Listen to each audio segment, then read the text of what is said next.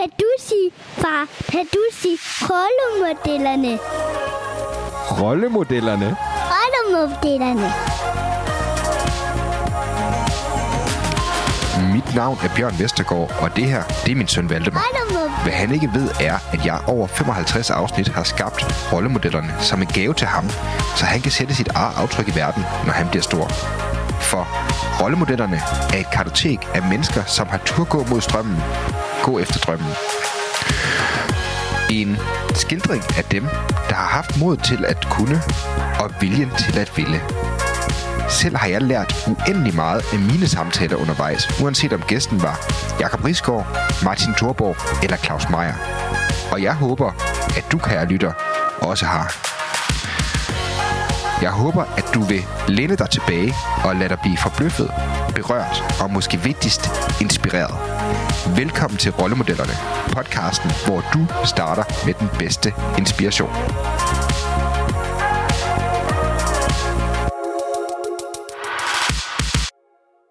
Ja, hej med dig, kære lytter, og rigtig hjertelig velkommen til endnu et afsnit af Rollemodellerne, hvor det er mit job at finde ind til gæsternes vigtigste erfaringer, taktikker og inspirationskilder, så du kan blive inspireret på din egen startup-rejse. Mit navn er Bjørn, og jeg er vært, og i dagens afsnit venter der lidt af en ørehænger. For gæsten er nemlig den uforlignelige Nick Travlsen, som er medstifter af The Marketing Guy, og formodentlig den danske marketeer, som rapper i det allerskarpeste flow. Det, det er der i hvert fald nogle øh, ret virale LinkedIn-videoer, der beviser. Historien om The Marketing Guy er en fantastisk historie om to gutter, som mødte hinanden som praktikanter i et startup, men med en meget, meget anderledes tilgang til kreativitet, og det at drive et marketingbyrå er endt som favoritbyrå for nogle af de mest succesfulde danske startups, f.eks. Sandbox eller Shaping New Tomorrow. Og så er The Marketing Guy også blevet fast inventar som keynote speakers på Jesper Buchs iværksætterkonference Sidster. Du kan glæde dig til et fedt afsnit, hvor fokus er på at turde gøre tingene på sin egen måde og gå mod strømmen. Og så deler Nick sit mindset om vedvarende læring og hvordan han har lært sig selv at løse nogle af de mest komplicerede problemer. For eksempel hvordan The Marketing Guy blev certificeret til at tage startups på First North-børsen, og hvordan han lykkedes med ham at, at få certificeringen på plads på kun to uger, selvom alle sagde, at det var fuldstændig umuligt. For mig er temaet i snakken med Nick, øh, det er at følge sin intuition, Øh, også selvom det egentlig er at gå i lidt anden retning, end de fleste andre gør. Men så var det faktisk også bare et hammerende griner snak, som jeg også lærte sindssygt meget af. Så vil jeg også øh, for øvrigt øh, lige sige, at Nick han jo nok kandiderer til at være den gæst i hele podcastens levetid, som har den aller, aller fedeste stemme. Det, øh, det må jeg bare sige. Så jeg håber, du, kære lytter, vil nyde snakken. Og husk, at øh, hvis du kan lide den her podcast, så synes jeg, du skal hoppe ind forbi enten Instagram eller på LinkedIn, og være, for at være med i fællesskabet omkring rollemodellerne. Så rigtig god fornøjelse med rollemodellerne. Afsnittet her, det er nummer 71, og gæsten er Nick Travlsen fra The Marketing Guy. Jamen, uh, Nick, rigtig Yes. hjertelig velkommen. Tusind tak. Hvor har jeg glædet mig. Det er jeg fandme også. Jeg har siddet og hørt på dig hele morgen, og det ved du slet ikke. Men det giver en rigtig sjov dynamik, det der med, at øh, du ved, øh, lige på podcast med andre, inden man selv skal lave en podcast, ikke? Jo. Nick, øh, jeg tænker, hvis vi nu skal den helt op på den høje klinge fra start med, skal vi gøre det? Øhm, er det noget med, at grunden til, at vi sidder her i dag, det er lidt en kærlighedshistorie, der starter lidt øh, med nogle gutter og noget natteliv og noget. Er det sådan øh, helt forkert? Øh, nej, det er, det er meget passende. Øhm, jeg snakkede med, med en af mine øh, gode venner om det øh, for nylig faktisk, at ekstremt meget af, af mit liv springer ud fra lige præcis det der øjeblik. Øhm, jeg kan huske, at jeg øh, går på KEA, øh, uddannelse, øh, multimediedesign, øh, og så får man at vide, at man skal øh, i praktik. og øh, det er ikke noget, hvor jeg tænker, det bliver svært at finde. Det tænker jeg ikke. Så, så det bliver skubbet lidt, og øh, der går nogle dage, og folk begynder ligesom at komme ind i klasselokalet og sige, Nå, jo, nu har jeg fundet, at jeg skal praktik der, og så videre. Det går ikke op for mig, at en stor del af Danmarks befolkning skal i praktik samtidig, øh, og at det er begrænset, hvor mange øh, udulige praktikanter øh, folk har lyst til at tage ind. Øh, så øh, jeg selv inkluderet. Øh, så øh, på et eller andet tidspunkt går det op for mig, da jeg sådan har sendt tre ansøgninger ud. Der er ikke rigtig nogen, der svarer. De har nok fundet nu, og nu er der nogle uger til, at øh, vi, vi skal i praktik. Så jeg må nok hellere lige tage mig sammen. Så jeg øh, sætter mig ind øh, i sengen efter skole en fredag, øh, og øh, tager min laptop frem, og så øh, begynder jeg for første gang i mit liv at sende øh, CV'er ud og øh, tænker bede om en øh, praktikplads. Og jeg føler, jeg tager mig sammen. Jeg er sådan, øh, jeg finder, at det er en spændende virksomhed. Læser lige lidt om den. Skriver, hej Jonas. Fantastisk øh, virksomhed, du har. Gud, hvor lyder spændende her i mit CV. Øhm, og så mens jeg sidder og gør det, så øh, får jeg en mail, øh, som hedder noget i retning af, skal du i byen i aften? og så et nyhedsbrev fra øh, den virksomhed, der hedder Drinkster, øh, som laver byture natteliv. Man kan købe sådan, det er deal site for nattelivet, så det er happy hour bare lavet digitalt, ikke? Mm. Øh, og det har jeg skrevet mig op til øh, nogle måneder tidligere. Øh, så jeg svaret tilbage, nej, men kunne I bruge en praktikant? Intet CV, ikke noget som helst andet.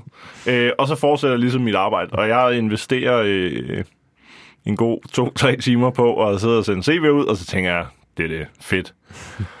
øh, og så mandag, tror jeg det er, så får jeg et svar tilbage fra Drinkster. Ja, det kan godt være. Kom ind til en samtale. Og så er der ingen andre, der svarer. ikke en eneste. Mit CV er så dårligt. Og jeg, har, jeg ved ikke, altså til den dag i dag, fatter jeg ikke, hvor dårligt jeg har gjort det der stykke arbejde, siden at nul mennesker svarer på gratis arbejdskraft. det, er, det, er, det er fandme vildt. Ja, det er det godt nok. Øhm, men de gør, og det var den eneste, jeg ikke sendte CV'et til, så det siger jo også noget, ikke? At det, det er nok der, min største fejl i virkeligheden var. Øh, men, men de siger ligesom, kom ind. Jeg kommer ind næste dag, snakker med øh, ham, der hedder Mads Jolin, som er direktør. Sidder inde i et lille mødelokal. Tager en hurtig snak, 20 minutter eller sådan noget. Øh, og øh, jeg finder så ud af efterfølgende, jeg får lov til at, at komme ind som øh, praktikant. Øh, jeg finder ud af efterfølgende, at de har haft tre eller fire før mig, som de, de tror, at de har været net negative for virksomheden. Ja. At få gratis arbejdskraft. det er øhm, så de var nået til et punkt, hvor de sagde, det gør vi aldrig nogensinde igen der. Og så skrev jeg, og så snakkede med mig, og så fortæller de mig så efterfølgende, jeg var sådan lige vippet. Sådan, ja, kan vi tage chancen med ham her. Mm.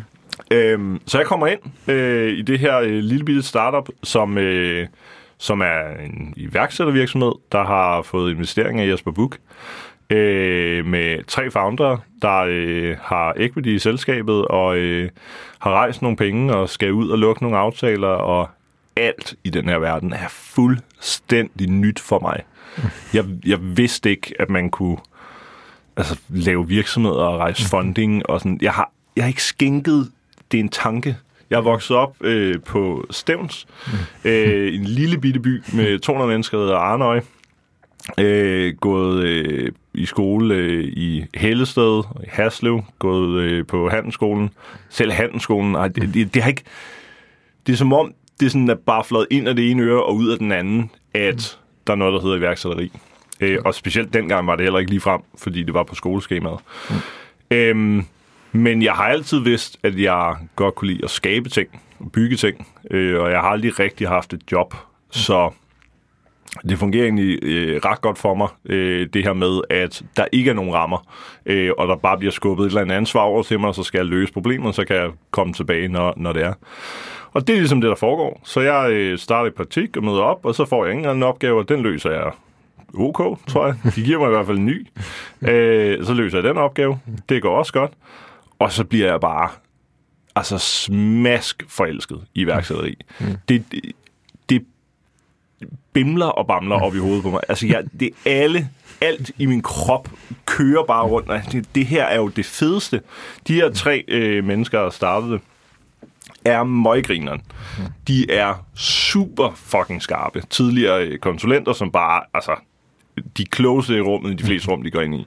Ja. Øhm, så jeg er helt blown away over, hvor meget de ved, og hvor mange ting de kan. Øh, og så hygger vi os bare.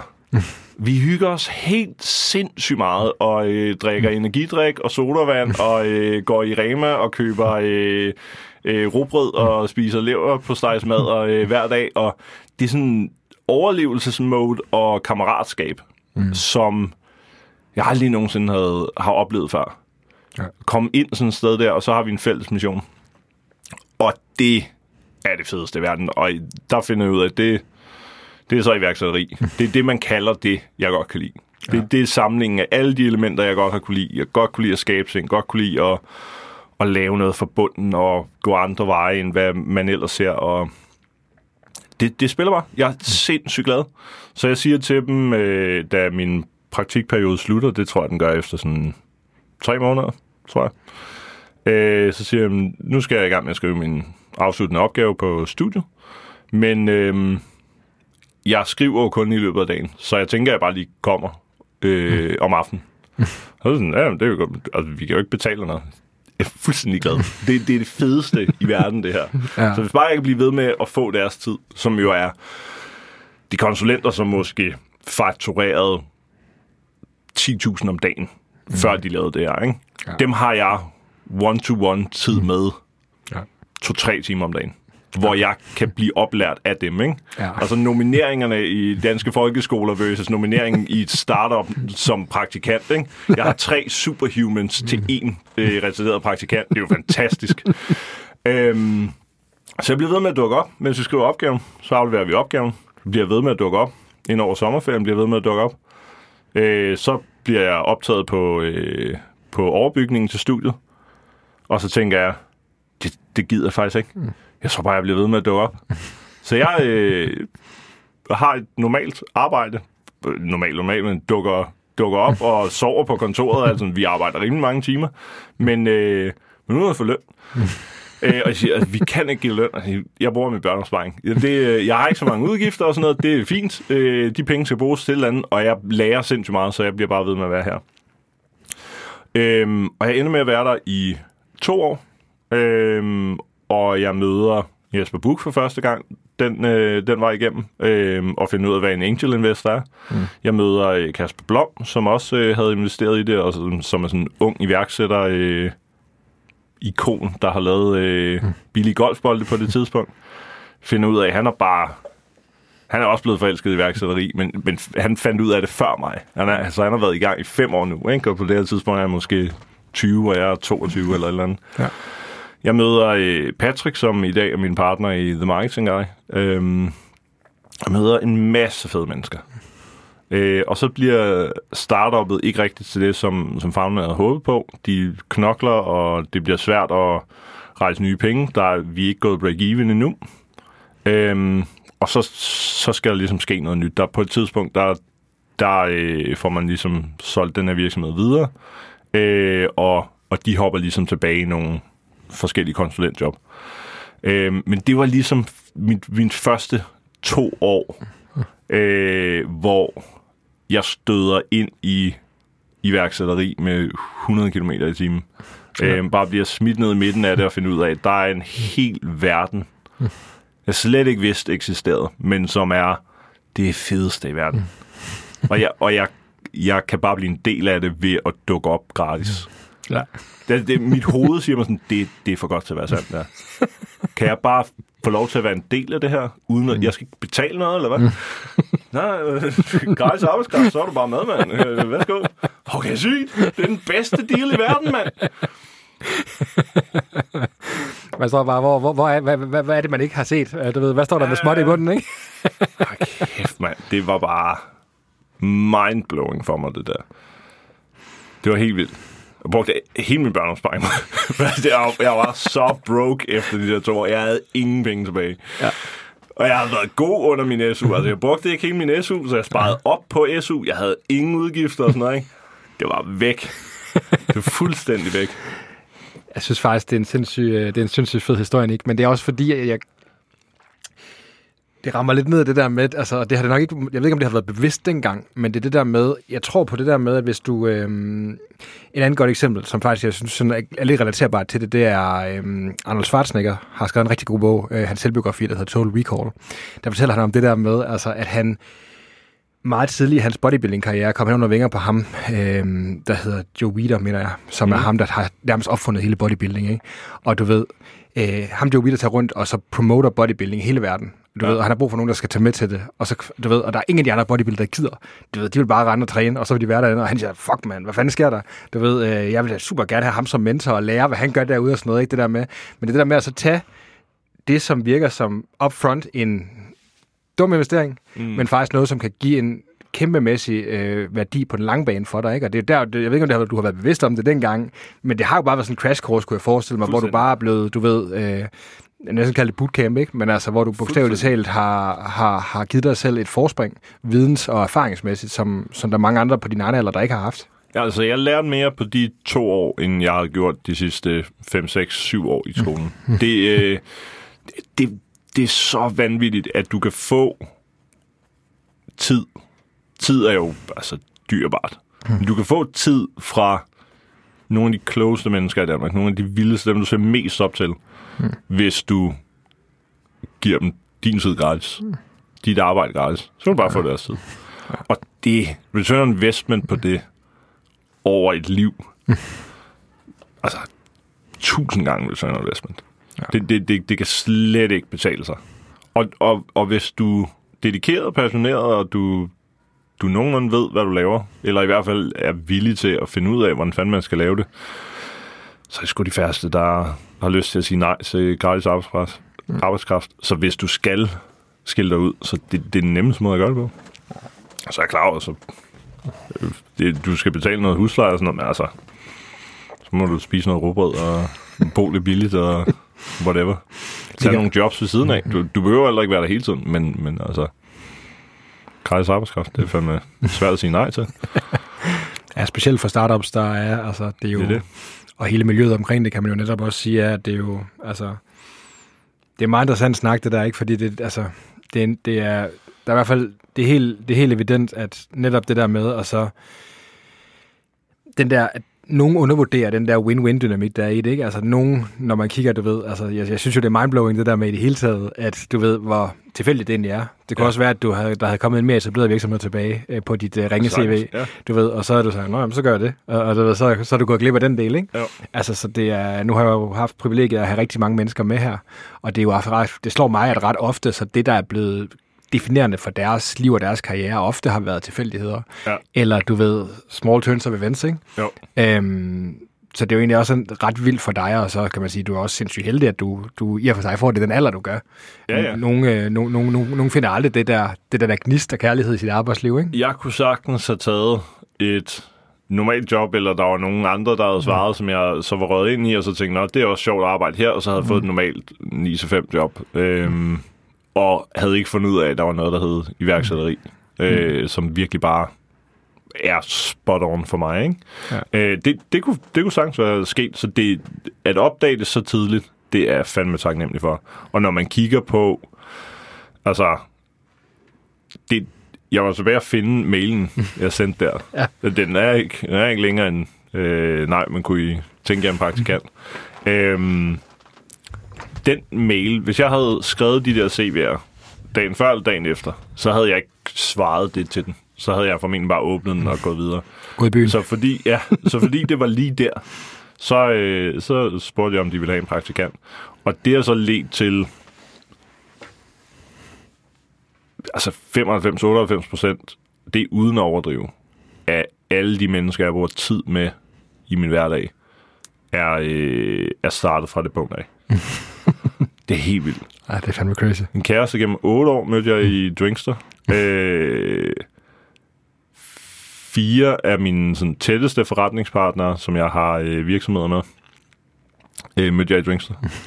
øhm, og de resterende er kommet som del af deres netværk. Ja. Det, det, det er helt vildt. det er, det er bogstaveligt to forskellige versioner af Nick. ja, jamen, det, er, det, er, det var bare... Jeg aner ikke, hvordan min liv havde set ud, øh, uden det der, den der mail der. Men jeg er fandme glad for det, mand. Og det er bare... Det er så vildt, fordi det, det...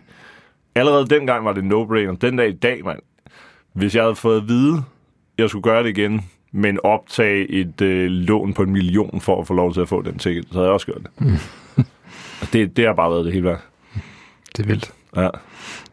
Hvad, øh, Nick, øh, mange, mange gode opfølgende ting at snakke om, synes jeg. Altså, jeg synes jo... Øh, kan du prøve at sætte et par ord på, har, har du været noget, altså for det virker også lidt, at du på en eller anden måde også kom lidt i mesterlærer ved nogle mennesker, som, øh, og det har jeg hørt dig sige i andre interviews mm. også, øh, altså faktisk bogstaveligt talt har været nogle mennesker, som, altså du virkelig vil betale mange penge for at overhovedet være i samme rum som dem, ikke? Helt klart. Øhm, var der nogle ting, sådan, du ved, meget konkrete, som du tog med, eller lært fra dem, som du sådan har, har reverted back til? Altså du ved, som du har befundet dig i en situation, hvor du igen og igen har trukket på, på det, du har lært. Der er der nogle sådan specielle ting, når jeg spørger, stiller det spørgsmål. Ja, øh, jeg tror, øh, en stor del af det er jo ikke engang en form for sådan en feedback loop, som er meget øh, konsekvent i et startup-miljø. Øh, specielt når du sidder med, med tre mennesker, som er meget klogere end dig på de fleste punkter. De kan ikke løse alle ting selv, og der er specielt rigtig mange af de sådan, mindre opgaver, de ikke har lyst til at løse selv, fordi deres tid er bedre brugt andre steder. Øh, så du bliver ligesom sendt ud sådan, fix det her, og så bliver du sendt afsted, og så kommer du tilbage. Og fordi det er sådan battle for survival, så har de ikke tid til at pakke det for meget ind og, og sige til, at det er okay, og måske kan vi bruge det og sådan noget. Hvis ikke det er godt nok, så dør virksomheden. Mm. Øh, så det var mange hårde slag. Ikke på mig personligt. Vi havde det fantastisk sammen alle sammen. Men der var rigtig meget af det, jeg afleverede, som ikke var godt nok. Ja. Og hvor man nærmest ikke havde tid til sådan at forklare, hvorfor det ikke var godt nok. Så jeg kan huske en episode, hvor vi skulle lave en app, øh, og jeg skulle bygge funktionaliteten i et øh, specs-dokument, som skulle sendes til dem. Og jeg vidste ikke, hvad specs, specs var. øh, så øh, jeg, øh, men, men det var ligesom nemmere at få en til at starte sådan det hårde, tunge arbejde med at få processeret det hele. Ja. Øh, så jeg fik bare at vide, når man, øh, hvis man har noget at lave, så start på det der. Okay, så det lave specs til, vi havde sådan nogle indiske programmører, så jeg skal lave specs til inderne. Så siger ja, øh, og du må bare, øh, bare gå ind og læse om, hvordan man gør. Mm. Og så, okay, så begyndte jeg at søge, og så begyndte jeg at lave det. Og så brugte jeg, synes jeg selv, rimelig lang tid på det. Og så lavede jeg noget, jeg var mega stolt af. Mm. Og så kom jeg og viste det til, øh, til Mads Jolin, øh, som var, var, var direktør for det. Og som godt vidste, hvordan man skulle lave spæk. Mm. Og så sagde han, det kan så ikke bruges der. Det er fuldstændig ubrugeligt. Du, du, du er ikke, altså, der, det er overhovedet ikke rigtigt.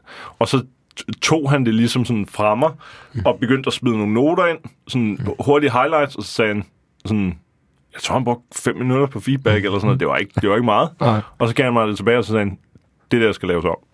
Og så brugte jeg tre dage, eller sådan noget, altså morgen til aften, på bare at læse, og gå tilbage og skrive nogle nye ting, og læse, og gå tilbage og skrive nogle nye ting.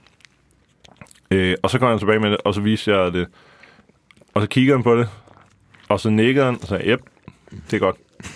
Og så er vi ligesom videre. Det der jep, det er godt, når du har været dernede, hvor du tænker, fuck, jeg, jeg er fuldstændig urolig, jeg kan ikke lave nogen ting. Og så få den der anerkendelse af sådan, holy fucking shit, for to uger siden, der vidste jeg ikke, hvad specs var. Mm.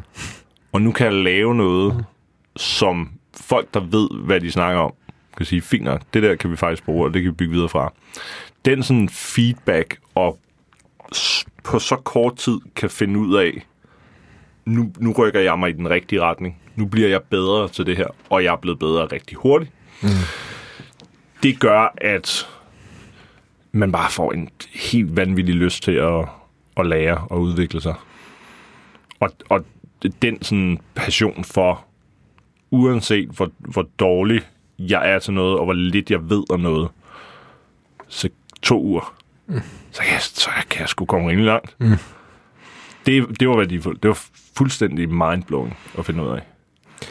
Ser du det som, det er, det er en fed historie, ser du det der som, altså for mig er der to, to aspekter i det, og det kan være, du prøver at sætte et par ord på, men ser du det som, at du har givet dig selv et, du ved, du har givet dig selv den gave, og så blive bedre til at lære nye ting, du ikke har nogen om, eller ser du det sådan lige så meget som værende det her med det selvværd, det faktisk giver at vide, at du kan være ude på the deep end og stadigvæk svømme ind?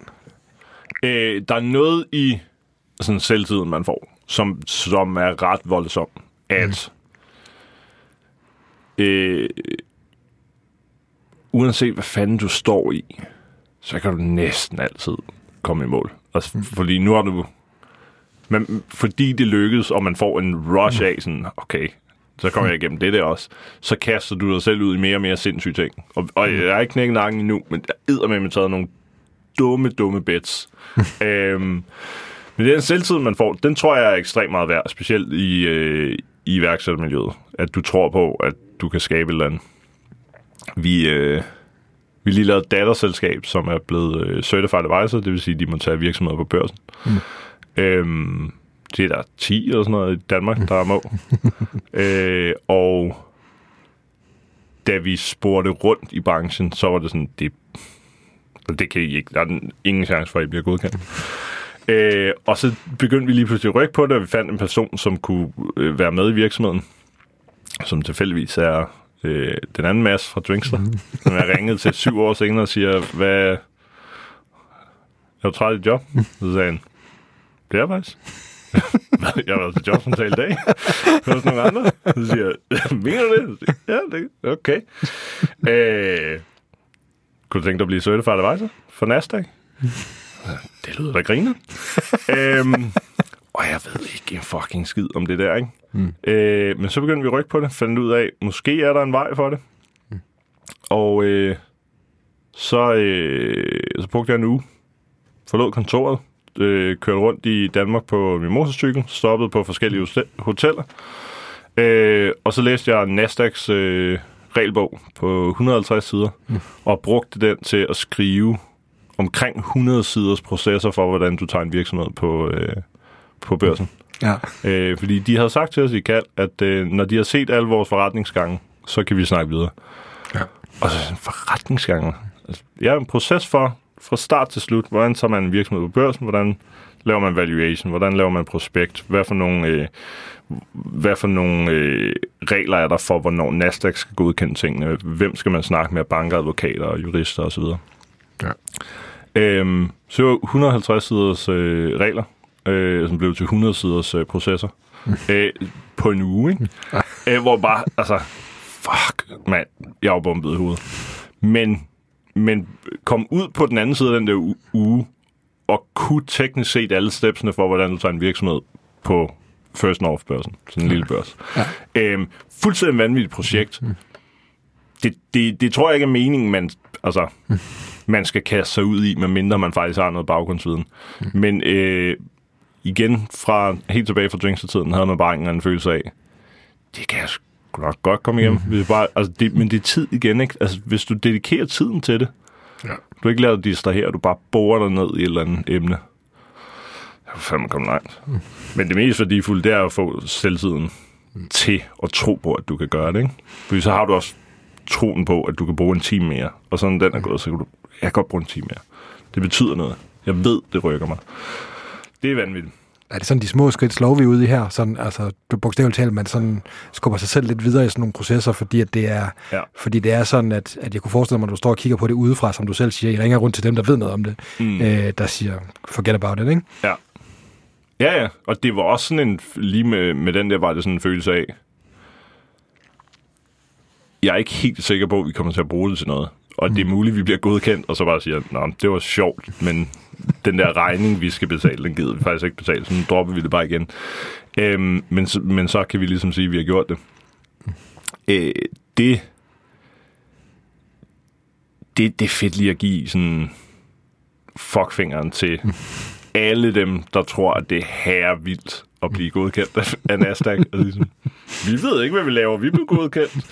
øhm, det synes jeg er herre sjovt. Altså alt, hvor folk er sådan lidt på, på sådan en høj hest, og er sådan lidt snobbet omkring, sådan, hvor, hvor vildt det, de har gjort, er. Det er jo ikke særlig sympatisk, men det er fandme det er sjovt at, at sige, Nå, vi, vi har lige brugt en uge på det, og nu, det tog så ikke kun være galt, hvor de prøvede at stoppe os mange gange, fordi de synes, vi var dybt useriøse. da de opdager The Marketing Guys hjemmeside, der får øh, jeg at vide, at jeg bliver aldrig nogensinde godkendt, så vi bliver nødt til at, vi bliver nødt til at finde nogle andre. Så, vi, så fandt vi så en anden, ikke? så, så er jeg godkendt andre. Men de synes simpelthen, det der øh, Atman-show, vi havde kørende på vores øh, hjemmeside, det var sgu for useriøst. Til Nasdaq. Der skal lyde en stor tak til AJ Produkter, som er sponsor på rollemodellerne, og dermed hjælper med at holde podcasten i luften. AJ Produkter er landets førende leverandør af kontormøbler og inventar, og det er det sted, du skal gå hen, hvis du vil have råd og vejledning fra eksperter på det helt rette og for øvrigt meget færre prissatte øh, setup til din virksomhed. Gør dig selv og din forretning en tjeneste og hop ind forbi ajprodukter.dk for at finde det udstyr, som skaber de bedste rammer for dig og din virksomhed ajprodukter.dk er adressen. Back to the show. Ej, jeg griner, det er også fordi, jeg sad, jeg sad og researchede til vores snak her i sidste uge. Jeg sad og skreg, skreg af grin. Du ved, øh, en eller anden, øh, var det, fredag, lørdag aften eller et eller andet, fordi jeg sad og se den der hjemmeside, ikke? Altså, den Ja. er, jeg vil bare sige til lytterne, gå ind og se, øh, gå ind og se hjemmesiden i sig selv. Det er fucking sjov. Altså, men jeg også, synes jeg, er meget godt testamente på, øh, nej, det hedder det vist ikke testamente, men det er i hvert fald en god grund til, hvorfor jeg også synes, det har været sjovt at få dig med, Nick, og, og fortælle lidt om det marketing guide, I laver, fordi på den måde, der, der, der, der har I nok, af min fornemmelse, et øh, andet take på mange af de ting, I gør, end mange andre. Er jeg. Øh, jeg, vil, jeg, vil, se- jeg vil se jer næsten lidt som øh, kontrær. Ja. Ja. Øh, så øh, på den måde, der, der synes jeg også, at, at, at det at så gå ind og så tage noget på noget, hvor vi, altså, som netop med First North og generelt noget, der er oppe på den høje hest, så er det jo også, øh, når man kender det brand, I har opbygget omkring jeres forretning, så er det også øh, exceptionelt morsomt. Jamen, det, er værdsat, at der bliver grinet lidt i hvert fald. Det er jo intentionen. Jeg vil så også sige, nu, er vi, nu har vi valgt at blive, blive godkendt af Nasdaq. Det var sat med heller ikke nemt. Men, men det, det, det, det, det var faktisk helt vildt, hvor høj en barriere de, øh, de havde. Men det er meget rart, når man så på bagkanten af det kan pege på det og sige, okay, man kan altså godt komme igennem det, ikke? Øhm, nu skal vi se, nu skal vi måske til at tage nogle virksomheder på børsen. Det er så igen Altså, det skal vidderligt ikke have særlig meget med mig at gøre. Nu har vi ansat to, der skal drive Atlas Partners. Øhm, så jeg er ligesom ude af det igen i et eller andet omfang. Skal hjælpe lidt med, med nogle baggrundsting. Men øh, nu har vi en virksomhed, der gør det. Øhm, så må vi se. Jeg håber på, at øh, First North-markedet ændrer sig lidt, for ellers er det så ikke skide, skide sjovt. Vanvittigt dårlig timing. Ja, det er godkendt dårlig timing. måned efter øh, invasionen af Ukraine, hvor hele finansmarkedet var ødelagt. Og så tænker jeg, "Åh, kæft mand. Ja. det synes jeg i og for sig også, det er meget sympatisk, den, øh, den indsats, jeg i gang i der. Men lad os prøve at komme lidt tilbage til det senere, Nick. Ja. Øhm, jeg tænker, at, at, at du ved, nu snakker vi lidt om det der med at gøre ting lidt anderledes, så der var i hvert fald en meget godt overlæg, kan man sige, i forhold til det her med at, så, du ved, at tage, man kan sige, hele den rejse, jeg har taget med The Marketing Guy, kan vi sikkert også godt komme lidt tilbage til mm. i forhold til der, hvor jeg er nu. Men, øhm, men jeg synes også, der er noget sjovt i det der med, fordi noget af det, som en af grundene til, at jeg også synes, det var super fedt at have dig med, at fortælle om The Marketing Guys historie, hvordan I gør det, det er jo også, at, at netop, at, at I har gjort ting, mange ting på mange andre måder, øh, sådan lidt øh, sådan, næsten kontrær, som, mm. som jeg også sagde før, ikke? Er det, sådan, er det noget, du kan vedkende dig? Er det noget, sådan, hvor du sådan tænker, at der er... Har du, har, du, har du observeret, at I eller du har gjort nogle ting sådan meget anderledes, som på en eller anden måde har været noget, som har skabt nogle, nogle andre anderledes resultater? Helt klart. Øhm, jeg tror, der er noget i allerede i Drinkster, var det var kulturen meget i mangel på bedre ord, sådan lidt altså, drengerøvet, øh, drengeværelse-agtig stemning med nogle computer, og øh, hvis vi var godt med på arbejde, så kunne det være, at vi lige øh, gamede om aftenen og sådan noget, ikke? Ja. Øhm, det, var, det, var, det var fandme ikke noget, der på nogen måde mindede om en, en professionel virksomhed. Sådan kulturmæssigt Ja. skabt nogle vilde resultater. Fik lavet nogle, øh, nogle salg, nogle aftaler, men det var det bekræftede ligesom en i troen på, at man kan godt, bare fordi alle gør noget på en måde, så betyder det ikke nødvendigvis, at det er den bedste måde, og det betyder i hvert fald ikke, at det kan gøres på en, en anden måde. Og øh, det tror jeg er vigtigt at lære, og det tog vi med videre, da vi så startede The Marketing Guy. Det var lidt lavet som sådan en antitesen til, til resten af byråbranchen, og ligesom sige, sådan her ser byråbranchen ud, så vi gør det modsatte. Øh, fordi der er næsten altid, hvis alle gør det samme, der næsten altid et marked for at gøre det modsatte. Ja. Det er ikke sikkert, at det er det største marked, mm. men der er helt sikkert mindre konkurrence. Ja. Så det, det kan vildt godt betale sig at gå den modsatte vej. Og så er det sjovt.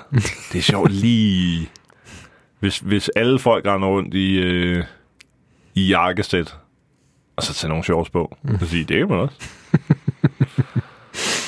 Når du siger det, så kommer jeg simpelthen også, øh, det kan jeg også sende videre til lytterne. så, så kan jeg også anbefale at hoppe ind forbi uh, The Marketing Guys uh, Facebook-side.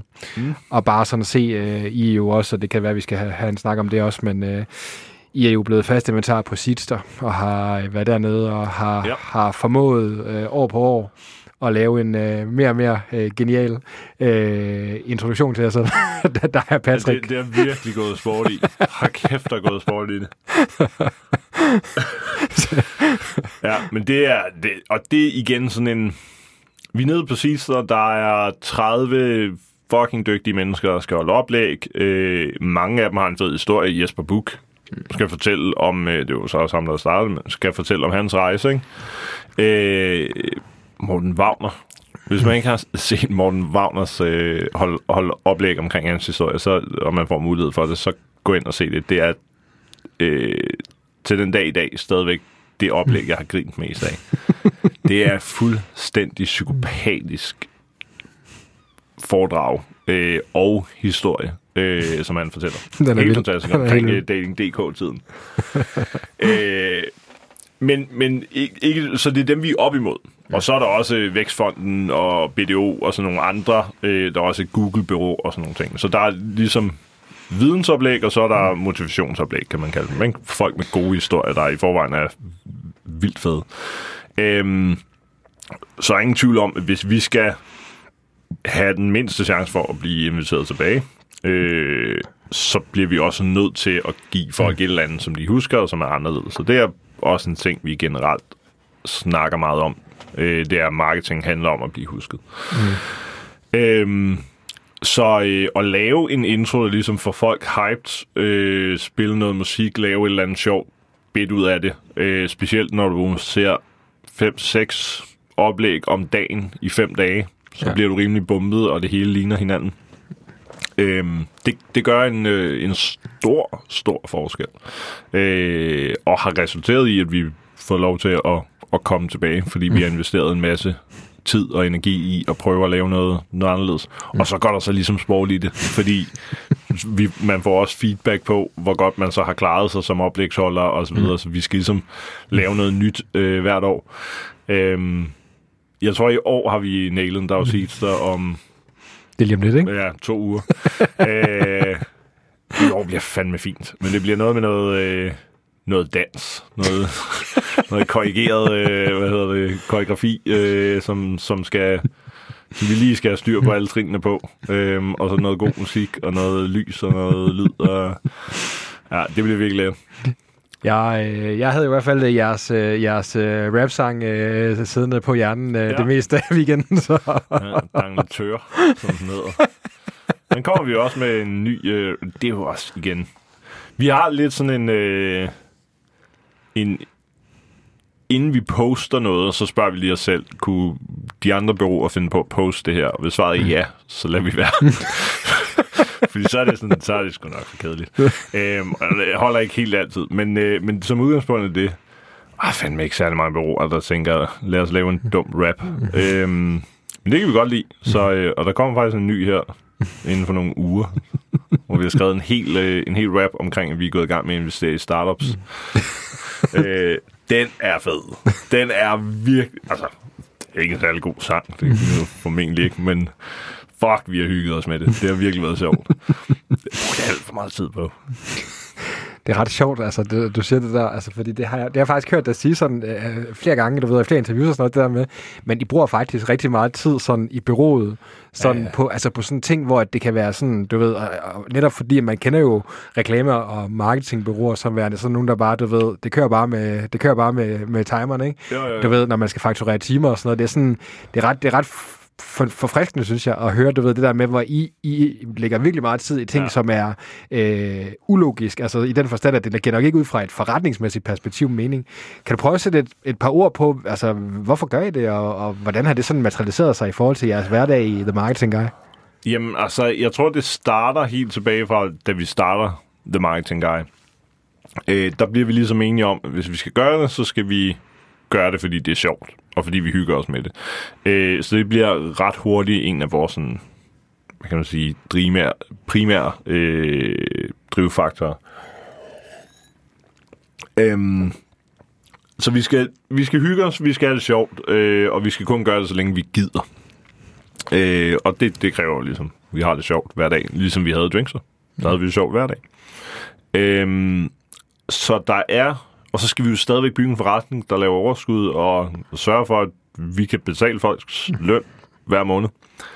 Så der er noget, vi tager ekstremt seriøst, alt omkring vores kunder, vores opgaver osv., tager ekstremt seriøst.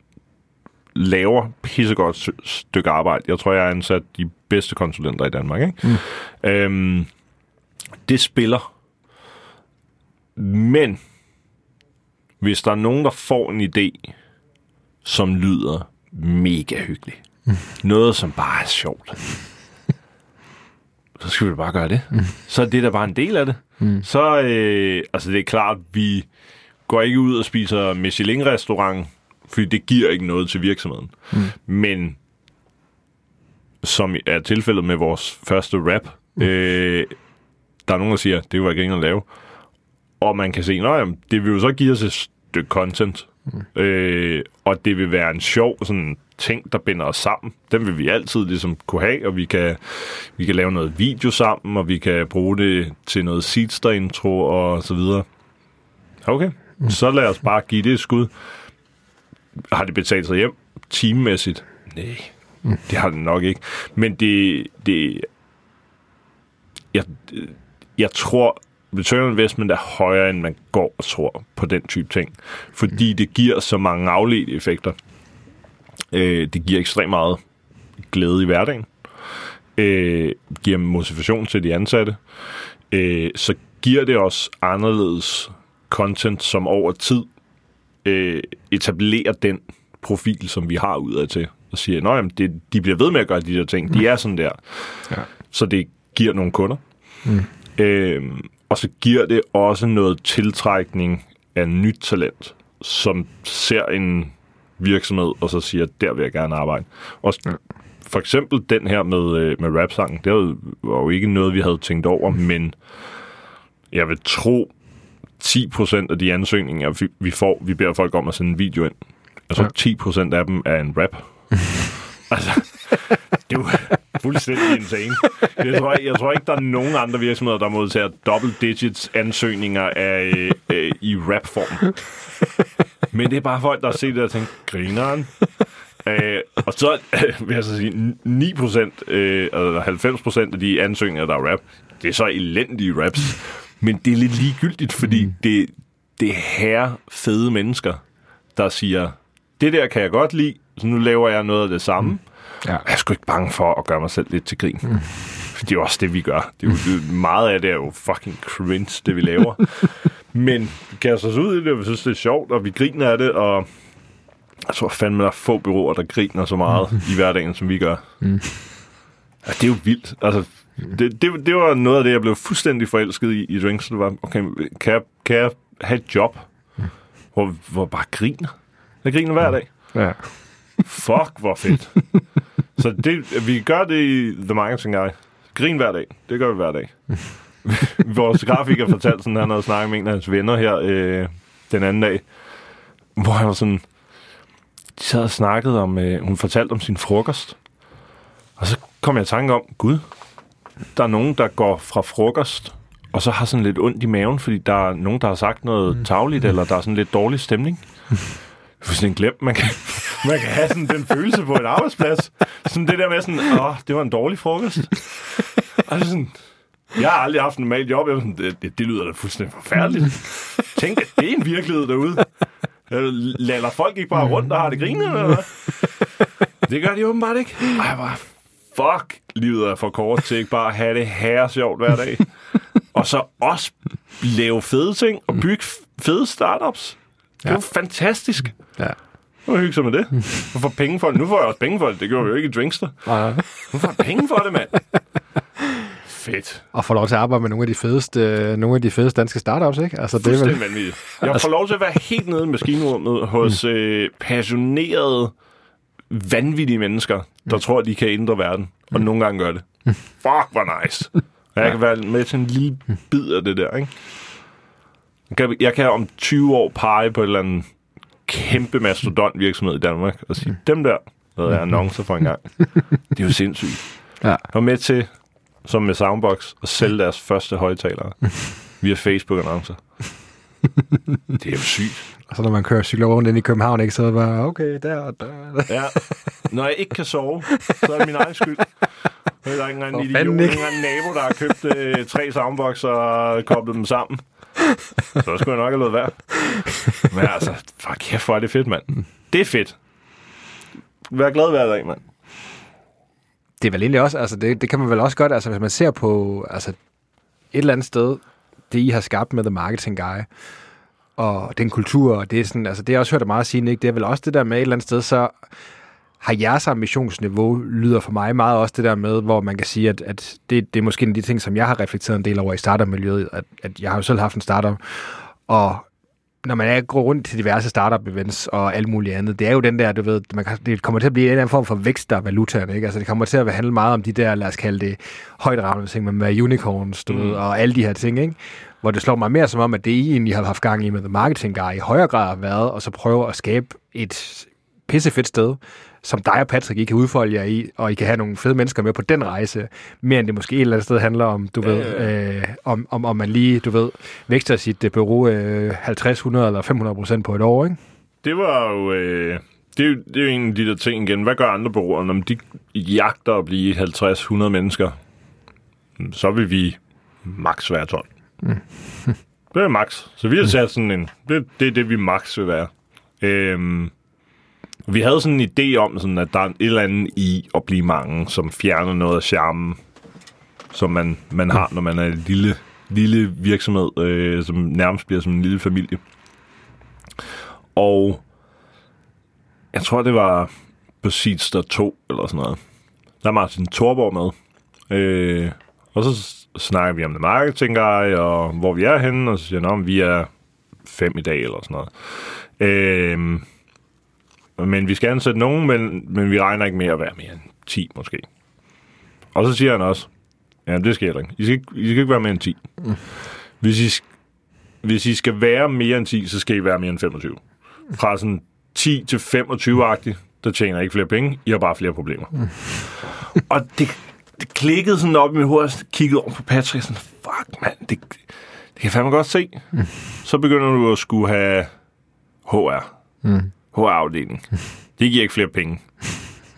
Men, men du, det, det skal du ligesom have. Du skal have større kontorer.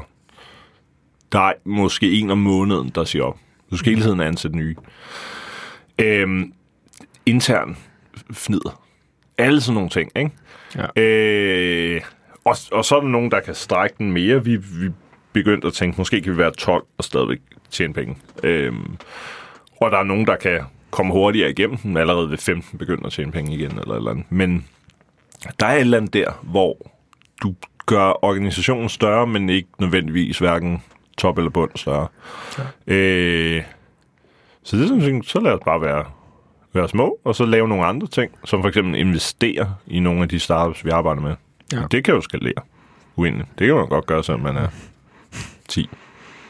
Det er også en fed tanke, den der, synes jeg. Altså, jeg synes, det er jo, det er jo også der, hvor at, at for mig igen også et, et, et godt udtryk for, at de har gjort nogle ting anderledes, kan man sige, fordi altså, når man ser, det kan være, du lige skal fortælle om, hvordan jeg arbejder med det til lytterne også, fordi ja. At det er jo, ja, det, altså, det, det har altid undret mig, at der ikke er flere, der har gjort det, når man, altså, I gør, øh, eller I, I er begyndt at gøre, fordi det giver jo perfekt god mening, altså, dybest set, Ja, ikke? hvis, hvis, hvis det vækster og ikke går konkurs, så giver det rigtig god mening. øhm, jamen, det vi gør er jo, vi arbejder primært med startups, og øh, der er fandme mange startups, der løber tør for penge. Mm. Så skal de rejse en ny runde, øh, og så kan de komme tilbage og bruge penge på markedsføring. Det problem at stor mangel penge, det, det støder vi tit på blandt vores kunder. Øhm, og vi støder tit på, at de er i gang med at en runde. Så på et eller andet tidspunkt går det op for os, at det kan vi være en del af. Vi kan lægge nogle penge, og så øh, kan vi hjælpe med noget tid, og de kan få en discount øh, hos os. Øhm, og hvis det så går godt, så, øh, så er vi ligesom med på rejsen. Vi har hånden på kogepladen, og vi, vi vækster the marketing guy, øh, uden at skulle have brug for flere mennesker. Der, der er ikke noget som sådan i vores hverdag, der ændrer sig. Mm. Men vi har skalerbarheden lige pludselig, fordi vi låner skalerbarhed fra, fra de her startups. Ja. Og det, det går op for os, fordi vi siger nej til at investere i Soundbox, mm. ja. øh, som jo det er fuldstændig vanvittigt. Vi sidder og optager i Lydens Hus, som er øh, der, hvor jeg brugte 2015 sammen med Soundbox øh, efter Drinkster. Øh, og var med til at sælge de første af deres højtalere og øh, få det til at gå amok øh, på Roskilde Festival. Og sådan, det, det var et fuldstændig vanvittigt år af mit liv, hvor jeg heller ikke tjente nogen penge. men, men lærer sindssygt meget. Øhm, og på et tidspunkt, fordi vi solgte fucking mange højtalere, men, øh, men, men pengene forsvandt ligesom, fordi så skulle vi bare bygge flere og købe flere ting, og der var ting, der gik galt, og husleje og sådan noget. Ikke? Så pengene forsvandt hurtigere, end vi lige havde regnet med. Øh, så den sådan revenue sharing aftale, vi havde lavet, den var sådan lidt der ville nok gå noget tid, før der var plads til det. øhm, så de spurgte, om vi ville have procenter i stedet. Og så øh, sagde vi, nej, nu er det tid. Nu skal jeg fandme tjene nogle penge. og det var, og det var dumt. det var meget dumt. Øh, så relativt hurtigt får man lige den der sådan våde avis lige i smasken, og tænker, hvad fanden er jeg i gang i, mand? Så jeg bare vækst et, et fucking bureau i stedet for bare lige at få noget equity herover. Jeg kan godt tjene de penge andre steder. Ja. Og så tænker man, jamen, måske skal man bare investere i startups. Så finder man så ud af, at det, det er altså ikke engang hver tredje, fjerde eller femte startup, der er en soundbox. Det, det er nok mere hver 100. ja. Men vi har et unikt indblik i, hvem de er, fordi vi får lov til at arbejde sammen med teamet. Vi får lov til at se, om det skalerer. Altså om det sælger på Facebook og Instagram. Ja. Øhm, og den investeringsstrategi, tror jeg, slår den gennemsnitlige angel investor. Så nu må vi se. Vi er jo så tidligt i det. Det tager jo, whatever, syv år at finde ud af, om din investeringsstrategi øh, har, har performet bedre end, øh, end markedet. Ja. Og hvad er vi? To-tre år inde i det, ikke? Og nu havde vi en konkurs i, i år, så... En, en ud af fem er, er røget, men øh, det er stadigvæk godt. Altså, ja. Jeg tror i hvert fald halvdelen skal vi nok regne med ryger. Det er bestemt, øh, det er jo også netop det der med, altså fordi hele due diligence-processen, når du, øh, når du investerer i startups, handler jo netop om at finde ud af, hvad det er for en type forretning, du er i gang med at investere i, og mm. der får I bare et unikt indblik, fordi I faktisk er nede i maskinrummet, helt bogstaveligt talt, på de, øh, på de ting, I, I, I kommer til at investere i også, ikke? så derfor giver det jo super god mening. Ja, det er fedt. Fandme fedt at få lov til at være med på rejsen hos nogle fede selskaber. det er sgu sygt nok det må give, øh, det må give noget, øh, det må give noget energi, både på kontoret, men øh, også... Ja, og det er jo så det, fordi så finder vi ud af, så er planlægning skid, vi falder ligesom bare ind i det, og så finder vi ud af, det fungerer, og så fortsætter vi i den retning. Men så, så begynder vi at investere, og så går det op for sådan, okay, hvad, hvad er faktisk egentlig de store problemer inden for øh, byråbranchen? Om det er at tiltrække talent. Ja. Øh, og fastholde talent. Hvordan fastholder man talent? Jamen, pff, partner øh, og tilbyde folk at blive partner, det er en god ting. Det er der OK mange, der gør. Det tager også lang tid at blive det. Og i sidste ende, så bliver du partner i et marketingsbureau, som no offense til alle de marketingsbureauer, der er derude. Det er ikke skidesexet. Mm. Mormor forstår stadig ikke, hvad du laver, selvom du er blevet partner. øhm, det er sgu ikke sådan den fedeste historie mm. at, at fortælle og sige, nu har jeg fået nogle procenter i et bureau. Men det er fedt at kunne sige, at man har fået nogle procenter i Zetland. Mm. Fordi det marketingsbureau, i det her tilfælde er The Marketing Guy, og The Marketing Guy har investeret i Zetland. Mm. Så nu er du medejer af mm. Zetland. Ja. Det er sgu cool. Ja. Det kan man, det kan, så begynder mormor lige at, at spidse ører og sige, Nå, det har jeg hørt om. Og det synes jeg er fedt. Så lige pludselig begynder man at tænke, okay, men der, der er noget fastholdelse af talent, som bliver federe, fordi de er ikke bare med på The Marketing Guys rejse, de er med på rejsen af fede, fantastiske startups, der skal ændre landskabet for dansk iværksætteri. Ja. Fuck for nice. det får man en bid af. Ja. Det er sgu cool. Det er en afledt effekt, der er fed, ikke? Helt vildt. Det var ikke noget, vi planlagde. Det var bare at finde ud af, gud, hvad en fed effekt herover. Jeg skal mere af det, med. det lyder meget til, apropos læring og så videre, det lyder meget til den der, at I har den der meget sådan, øhm, jeg ved ikke, man kan kalde det eksekverbar, men altså det her med, I har meget den der, øh, vi gør noget, og så finder vi ud af, hvad det gør, og så øh, justerer vi efter det? Er det sådan en rigtig opfattelse af den måde, som I, I driver tingene på i The Marketing Guy, og sådan den måde, som I som organisation udvikler jer? Jeg tror, det har været en kæmpe fordel, at Patrick og jeg aldrig har haft et normalt job. Ja. Så i stedet for at vide, hvordan man normalt gør, så har vi bare prøvet nogle ting selv. Og så finder man lige pludselig ud af, øh, at måske virker det. Og så er det fantastisk, og så gør vi tingene på en ny, anderledes og spændende måde, som kan lade sig gøre nu, på grund af nogle nye værktøjer, der måske er kommet frem. Øhm, eller også så finder man ud af, at det virkede ikke særlig godt, og så er der nogle andre, der prikker ind på skulderen og siger, gør I ikke som resten af Danmark i forhold til det her? Ja, fedt. Så kan man bare gøre det. Men, men øh, jeg tror ekstremt meget på at skille sig ud og prøve nogle nye ting af, og så se, hvad fanden der lige holder.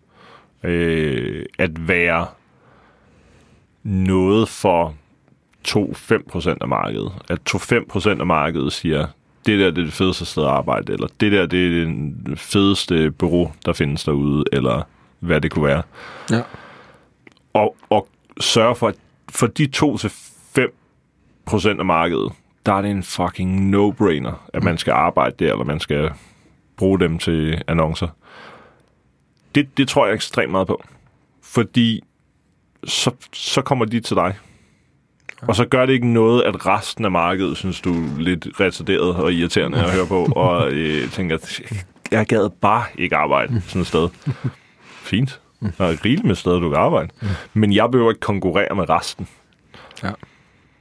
De kommer ligesom af sig selv. Jeg tror, det var Jesper Brock, der sagde det til mig første gang, hvor det sådan klikkede. Og han sagde sådan, jeg var inde på jeres hjemmeside, og så er jeg bare sådan, det, det er det med, jeg skal arbejde med. Jeg er 100% sikker på, at det er jeg, jeg kommer til at arbejde med. For det er fuldstændig min, øh, min ånd. Det er det der, jeg gerne vil med min virksomhed. Jesper fra Happy Helper. Ja. Øhm, og så tænker jeg sådan, det, det er fandme fedt. Vi skal ikke konkurrere med folk, fordi vi har valgt den her profil. Ja, det er i virkeligheden, det er et meget, meget, altså, det er et øh, meget stort fravalg i lige så høj grad, som det er tilvalg, ikke? Jo, kæmpe fravalg. Mm. Og det fungerer sgu meget godt. Jeg vil hellere være, være meget for 5%, end jeg vil være sådan vand for 100%. Ja. Jeg tror ikke, du kan betyde noget for nogen, hvis du prøver at betyde noget for alle. Det tror jeg sgu ikke.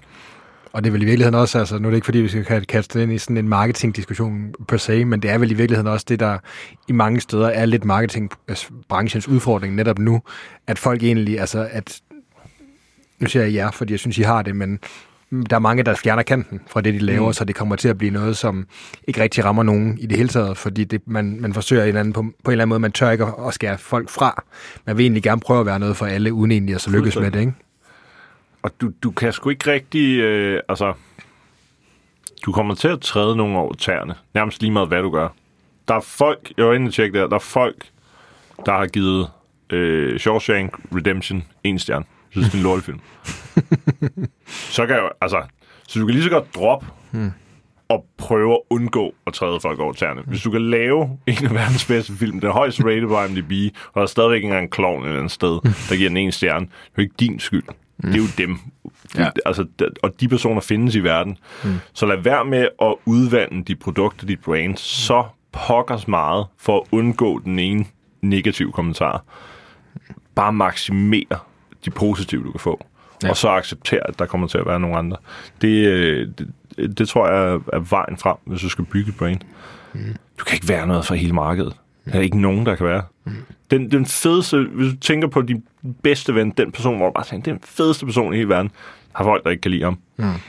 Helt klart. Mm. Ja. Det gør ham jo ikke til et dårligere ven over for dig. Mm. Han er en fantastisk person. Mm. Det er bare et match for dig. Og det er du lige brug for, hvem du snakker godt med, ikke? Ja. Det, det tror jeg. Øh, Find ud af, hvad du vil være, og så bare double down på det, og være det 100 procent.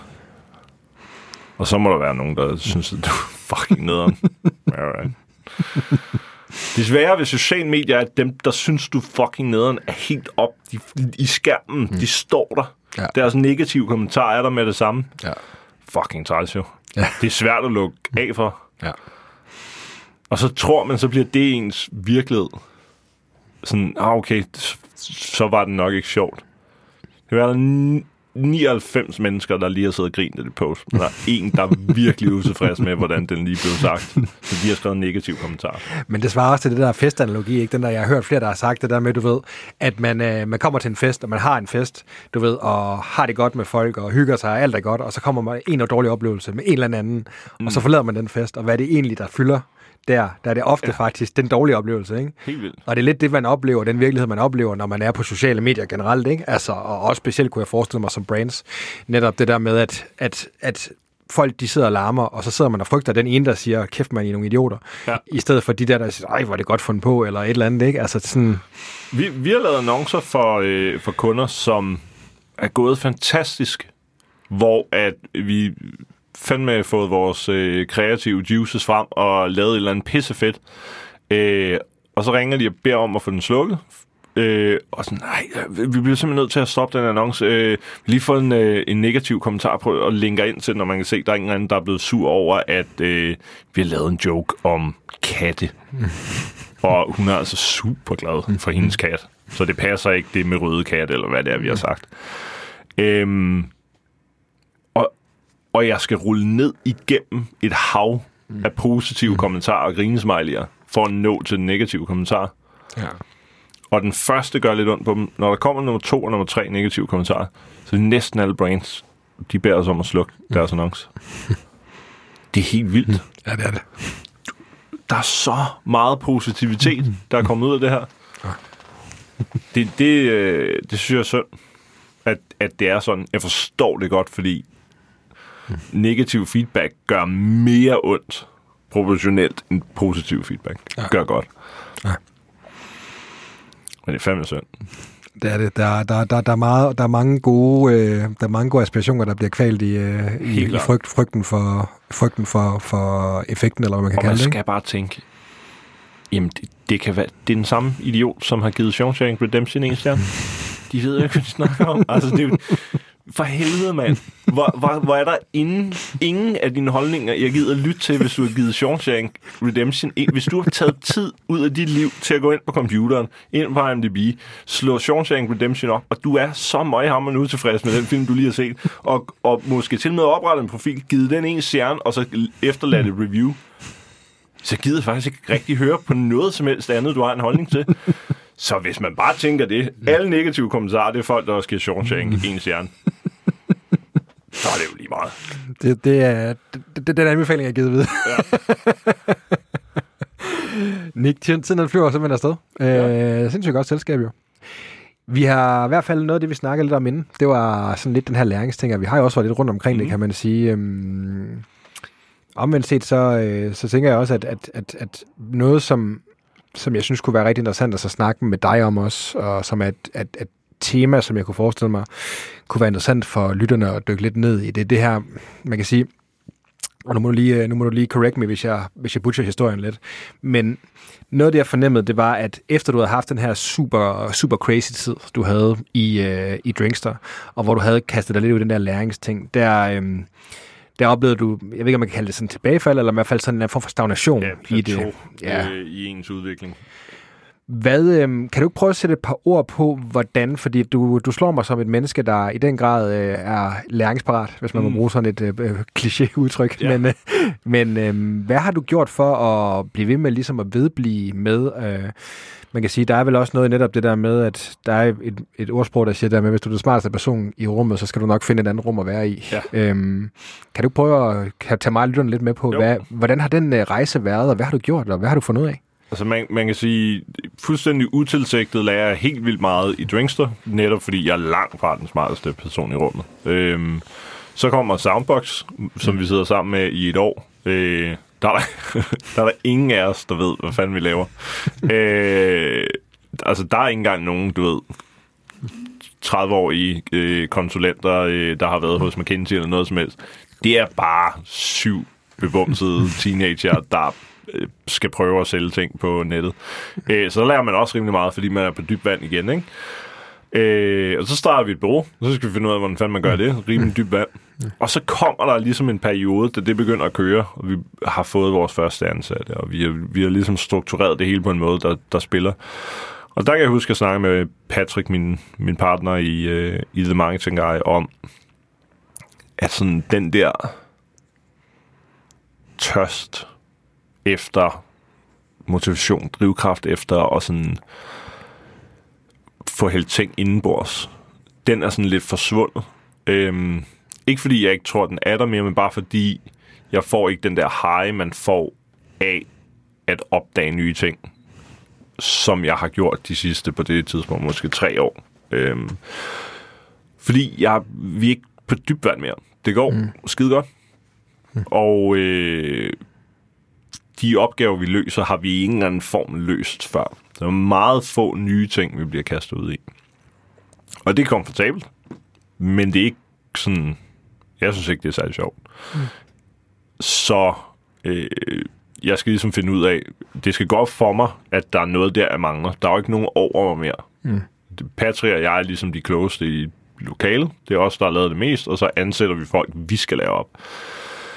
Og på et eller andet tidspunkt går det op for mig, at det er noget af det, jeg mangler. Og så hører jeg tilfældigvis øh, en Zetland-artikel omkring bogen Deep Work af Cal Newport, tror jeg noget. Mm. Og øh, den handler om nemlig om læring gennem fokus og flow og om at måske isolere sig, tage headset på og bruge noget tid på arbejde, i stedet for at lade sig distrahere hele tiden. Og jeg får virkelig sådan en... Det begynder at bimle og bamle op i hovedet på mig igen. Det er fyrværkeri. Er det man crush, vi er ude i, eller hvor er vi henne på ja, skala? det, det, det, er, det er sådan... Og jeg genkender den der sådan tørst efter, jeg bliver, hold da kæft, jeg skal, mm. jeg skal vide noget mere omkring det her, øh, som jeg har ja. oplevet med mange andre ting, jeg er blevet kastet ud i. Jeg tænker, der er fandme noget af det her, mand. Mm. Øhm, og så udgiver Zetland også en bog, øh, eller et, en artikel omkring bogen, øh, Principles af Ray Dalio. To fantastiske bøger. Altså fuldstændig vanvittige bøger. øhm, og det, det rammer lige ned i sådan en periode. Så, og han har meget fokus på feedback-kultur og kontinuerlig læring, og hvordan han strukturerer en virksomhed på sådan en helt vanvittig måde. Langt fra, hvad vi øh, har gjort. Så lige pludselig befinder jeg mig i selskab med to mennesker, der er langt klogere end jeg. Igen. Så er jeg i selskab med dem lige pludselig. Og der, der går det ligesom op for mig. Hold da kæft, bøger. Det er vanvittigt. Så køber de to bøger, læser dem, bliver fuldstændig hooked på de her principper, øh, og finder ud af, jeg skal jo bare strukturere mit liv på en måde, der kaster mig på dybt vand en gang imellem. Øh, og specielt med fokus på deep work, så øh, han gennemgår ligesom nogle forskellige måder, man kan være øh, arbejde dybt på. Jeg kan ikke huske dem alle sammen nu, men der er sådan noget øh, isolerende, hvor man tager et eller andet sted hen, eller der er sådan øh, en, hvor man øh, bruger en time tre gange om dagen, eller en, hvor man bruger en dag hver uge, eller hvad det er. Mm. Øhm, og så har de forskellige navne. Og den, der tiltaler mig, er, øh, som jeg kan se passe ind i, i mit liv og i den marketing guy, det er øh, deep work en gang hver dag. Mm. Øh, og så er det at tage væk. Han fortæller historien om Carl Jung, som har det, jeg tror han kalder det The Tower, som er et hus ude i en skov, hvor han er væk i tre måneder af året, tager han derud. Og det er der, han øh, skriver og laver mest, det meste af hans arbejde. Og så kommer han tilbage til Society og deltager i det, og drikker sig fuld og går til fester og hygger sig. Men, øh, og så tager han tilbage dertil en gang om året. Og så tænker jeg bare, det lyder bare fedt. Jeg kan ikke lige tage tre måneder ud, men min far har selvfølgelig et hus i Sverige, uden en skov. Så jeg kunne godt tage en weekend væk og se, hvad det gjorde.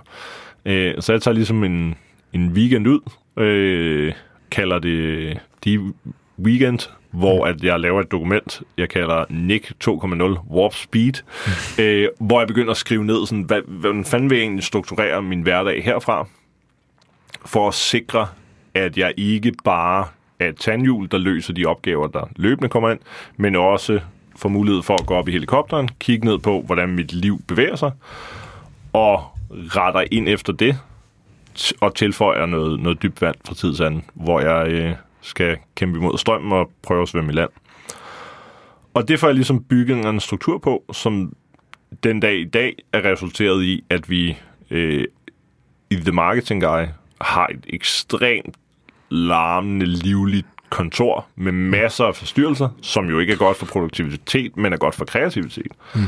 Øh, så hver dag efter frokost klokken 13 til 14.30, så har alle headset på. Vi tager ikke nogen møder. Vi forstyrrer ikke hinanden.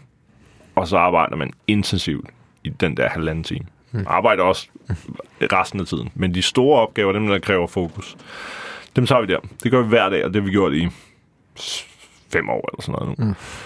Det er fucking fedt. Øhm, og det er ligesom bare blevet en del af kulturen nu. Tag headset på og sige, nu går jeg går deep, øh, og så skal man ikke forstyrres.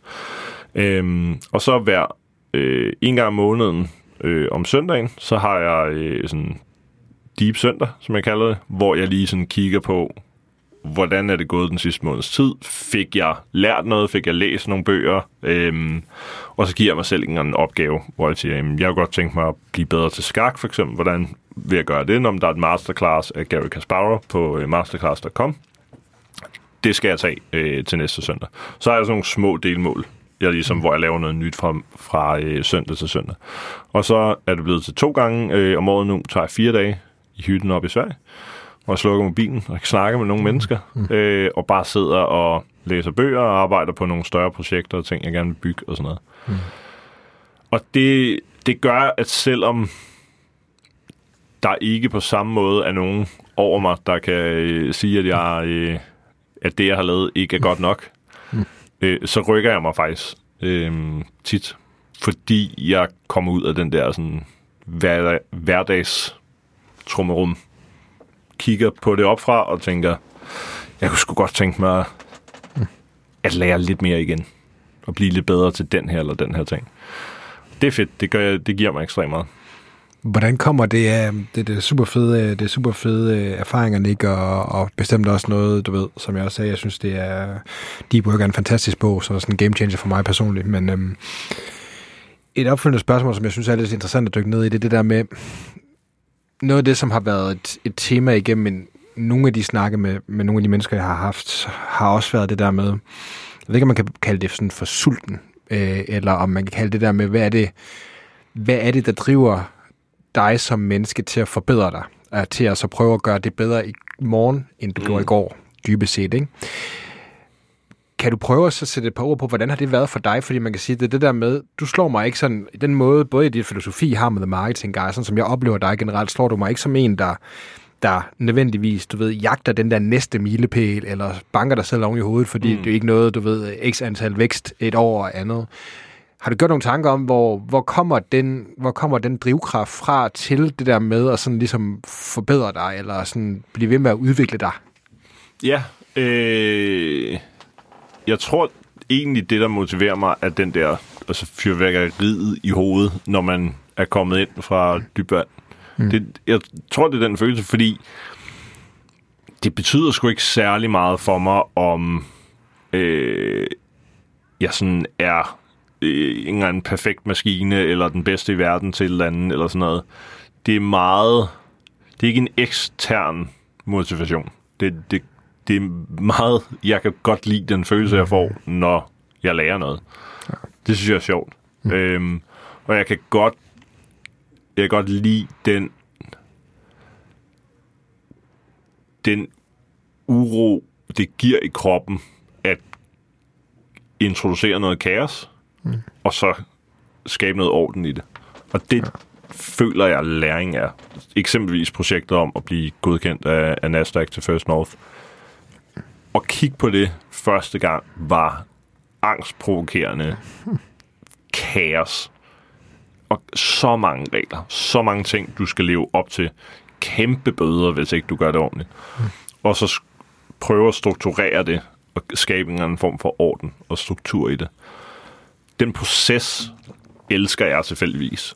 Mm. Øhm, og når så du kommer over på den anden side og kan kigge tilbage, at du er gået igennem det kaos, og du har efterladt orden.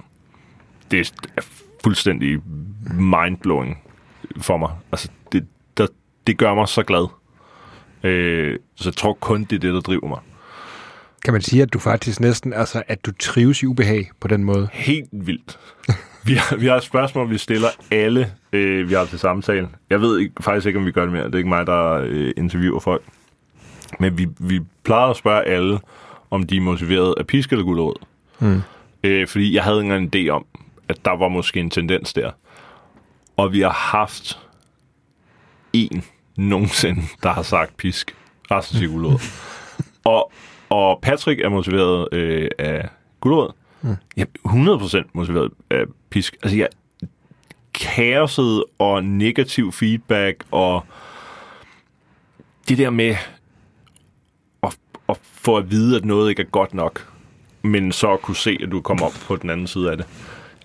Det, det er det mest motiverende for mig. Jeg, jeg er mm. faktisk ikke særlig motiveret af, af ros. Hvilket, jeg, og jeg synes, jeg kan se en tendens hos nogle andre også, at jeg har ingen teori om, at hvis du øh, er motiveret af, af ros, øh, så, så, så er du lidt mere ekstern motiveret. Mm. Øh, hvorimod, hvis, hvis det ligesom er, øh, er risen, der, øh, der motiverer dig, så en af sideeffekterne af det er, at du nok i mange tilfælde egentlig bare springer over, hvor gader laves, hvis du ikke rigtig får noget feedback på det. Ja. Men til gengæld, det sekund, hvor at der så kommer nogen og fortæller, at det er ikke godt nok, så forbedrer du dig bare gang 10. Ja. Så jeg tror, du rykker dig på en anden måde, når du er motiveret af, øh, af, af ris. Ikke nødvendigvis mere, mm. men det, det er mere i bumps. Mm. Så derfor får du din krop lærer på en anden måde, at de der udviklingstrin er, ja. er fede. Og det er nemmere at kigge tilbage og så se, at der er kommet noget, der er sket noget. Det er en interessant, øh, det er en interessant tanke. Jeg tror, man kan, gå, man kan gå ret langt ud af den. Og men set, så øh, sidder jeg også lidt bekymret og kigger på uret, og så siger, at uh, tiden går rigtig stærkt. Jeg plejer gerne at slutte podcasten af, Nick, med et par hurtige spørgsmål. Mm. Inden uh, vi hopper over til den lille sektion, um, har du nogle ting, du gerne sådan i forlængelse af de temaer, vi har snakket om, og generelt sådan den snak, vi har haft gang i nu her, kunne tænke dig sådan dele til lytterne, eller ting, der bare lige falder dig ind? Uh... Ja, øhm, nu nævnte du jo øh, sådan at være kontrær. Øh, og, og det var også noget, vi havde snakket om øh, inden. Og så gik jeg og tænkte på, sådan, hvad fanden er det egentlig mm. at være det? Mm. Øh, og hvad er det, der driver, at man på en eller anden måde øh, vil være ja, djævelens advokat? øh, eller gøre ting på en anden måde. Øh, og så fik jeg sådan en tanke, at det, altså, det er jo i og for sig et super øh, usympatisk ståsted på en eller anden måde, som også har forvalgt ekstremt meget irritation til familie og venner, fordi man altid bare ikke nødvendigvis, fordi man har en anden holdning, men bare vælger at sige folk imod, fordi det er et sjovere ståsted for mig. Ja. Så det er også meget øh, egoistisk og selvisk. Og så, og så tænker jeg, jeg tror egentlig, sådan den kontrære mentalitet er et produkt af noget øh, usikkerhed koblet med en snært af sådan at være lidt røvhul. så, det, så taler mig selv meget ned lige nu, men, men stay with me.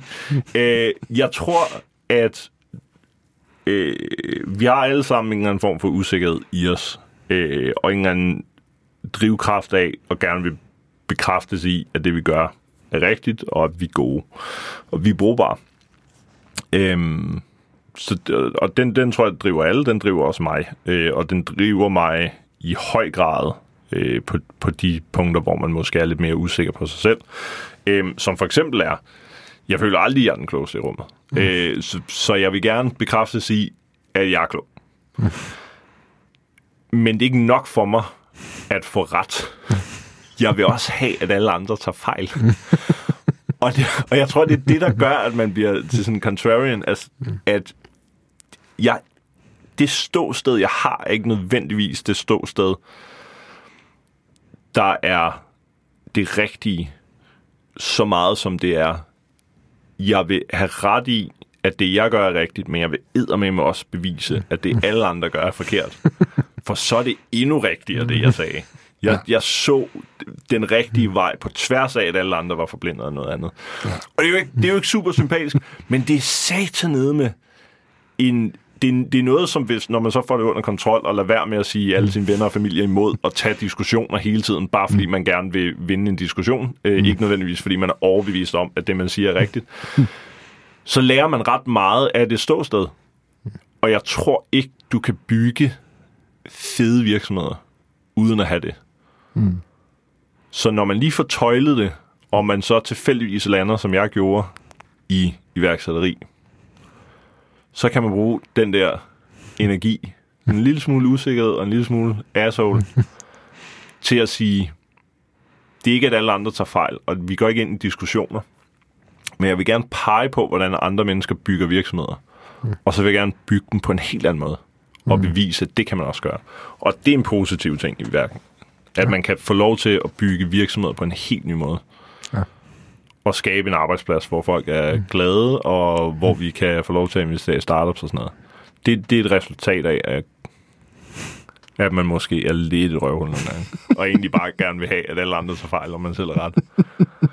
Men så får man lov til at lave en, en virksomhed, der måske kan stå på egen ben. Det er fandme fedt. Det, er- det, må, virkelig, det må det virkelig være. Ja.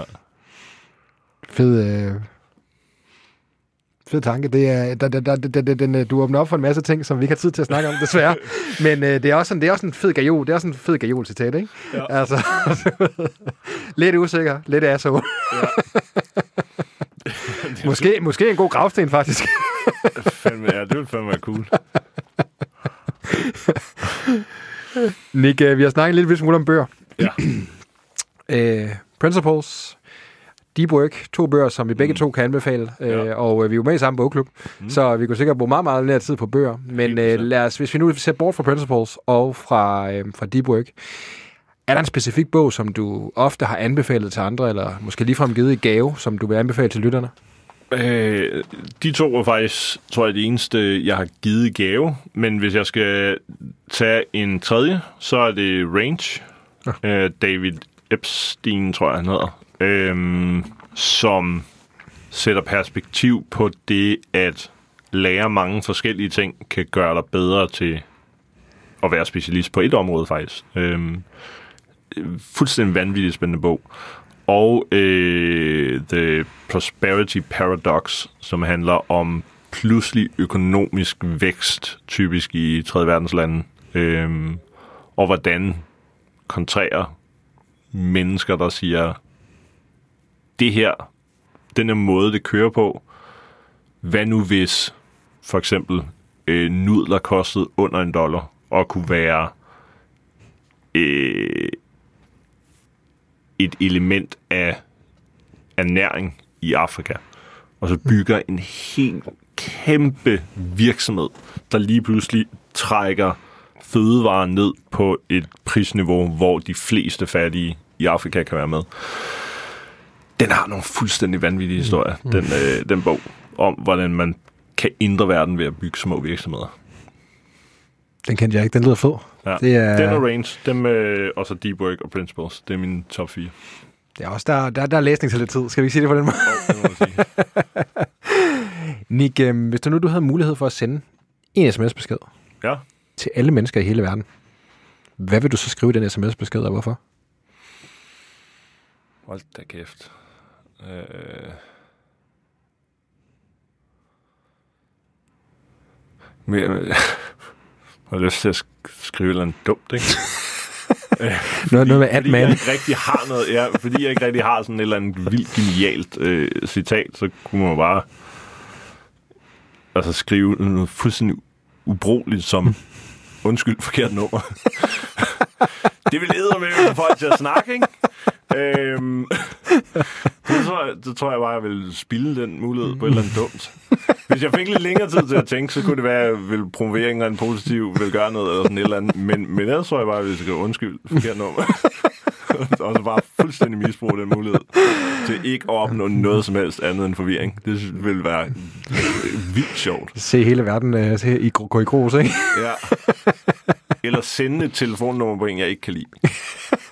Fordi hvis du sender det til 7 milliarder, så, så har han mistet sit telefonnummer for evigt. Han vil ikke kunne bruge sin telefon i et år. Det, det ville også være sjovt.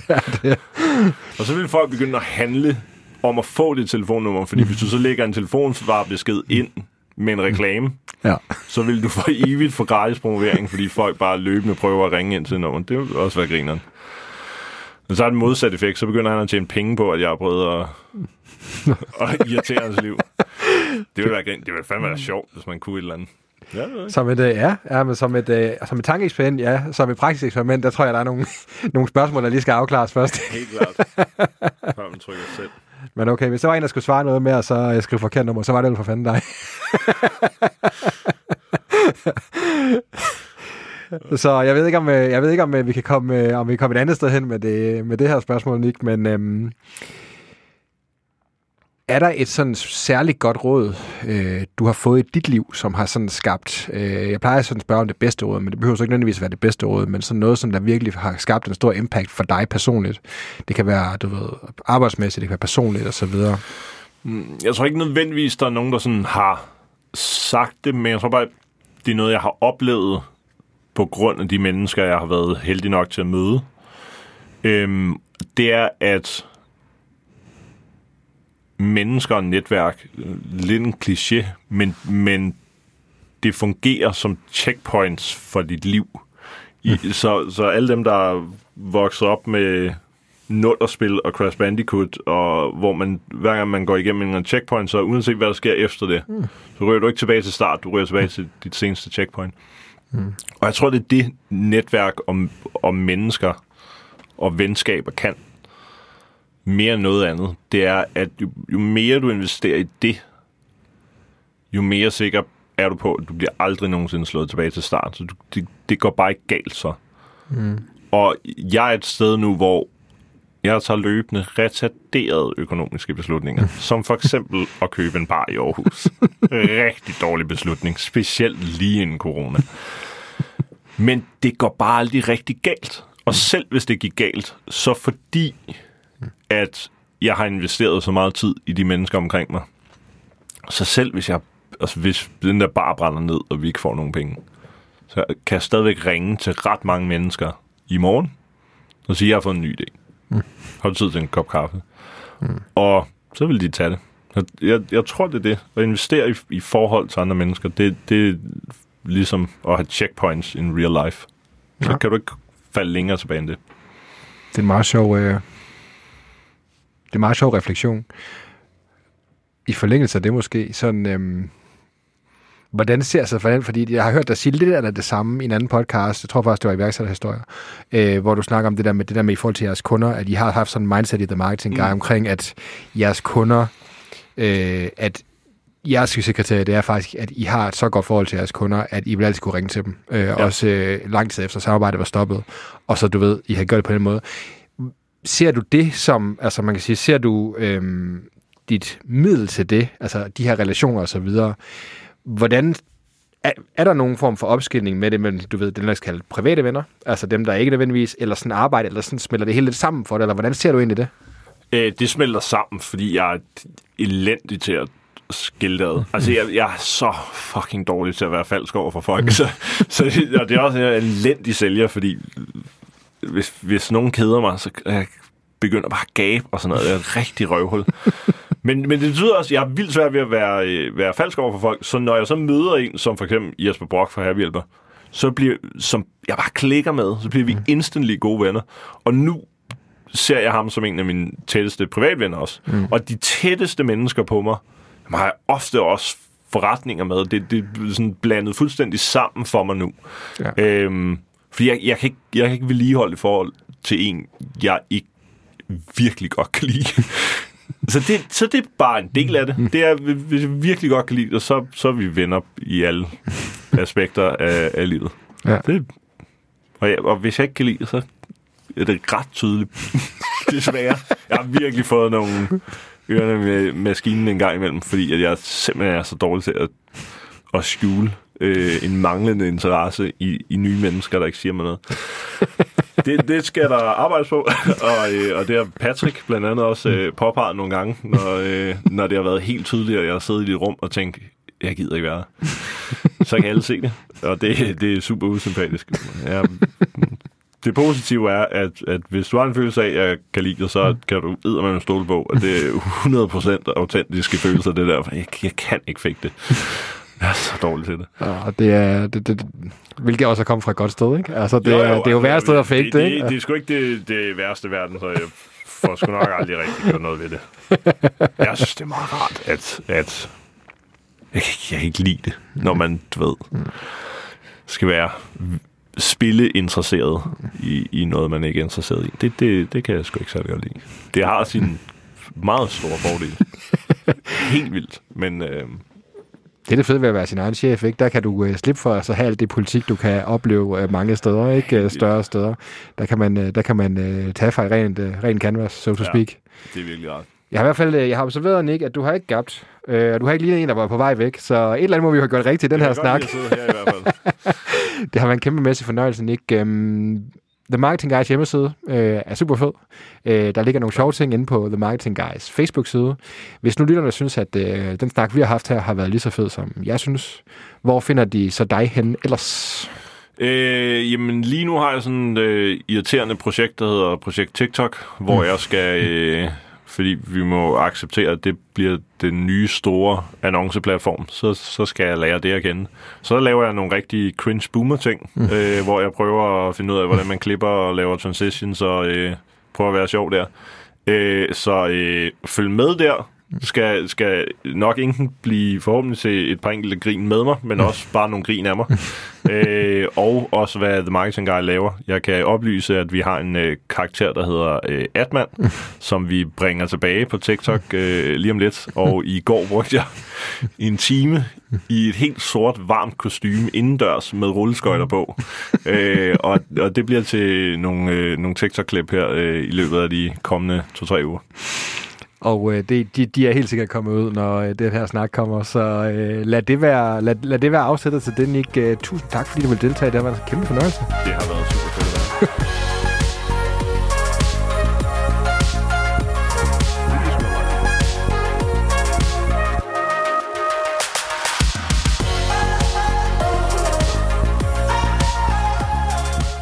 Du har lyttet til Rollemodellerne. Podcasten er produceret af mig, Bjørn Vestergaard. Klipper redigering, Anders Guldberg. Jeg er tilbage med en ny inspirerende gæst næste gang, så du kan starte med den bedste inspiration.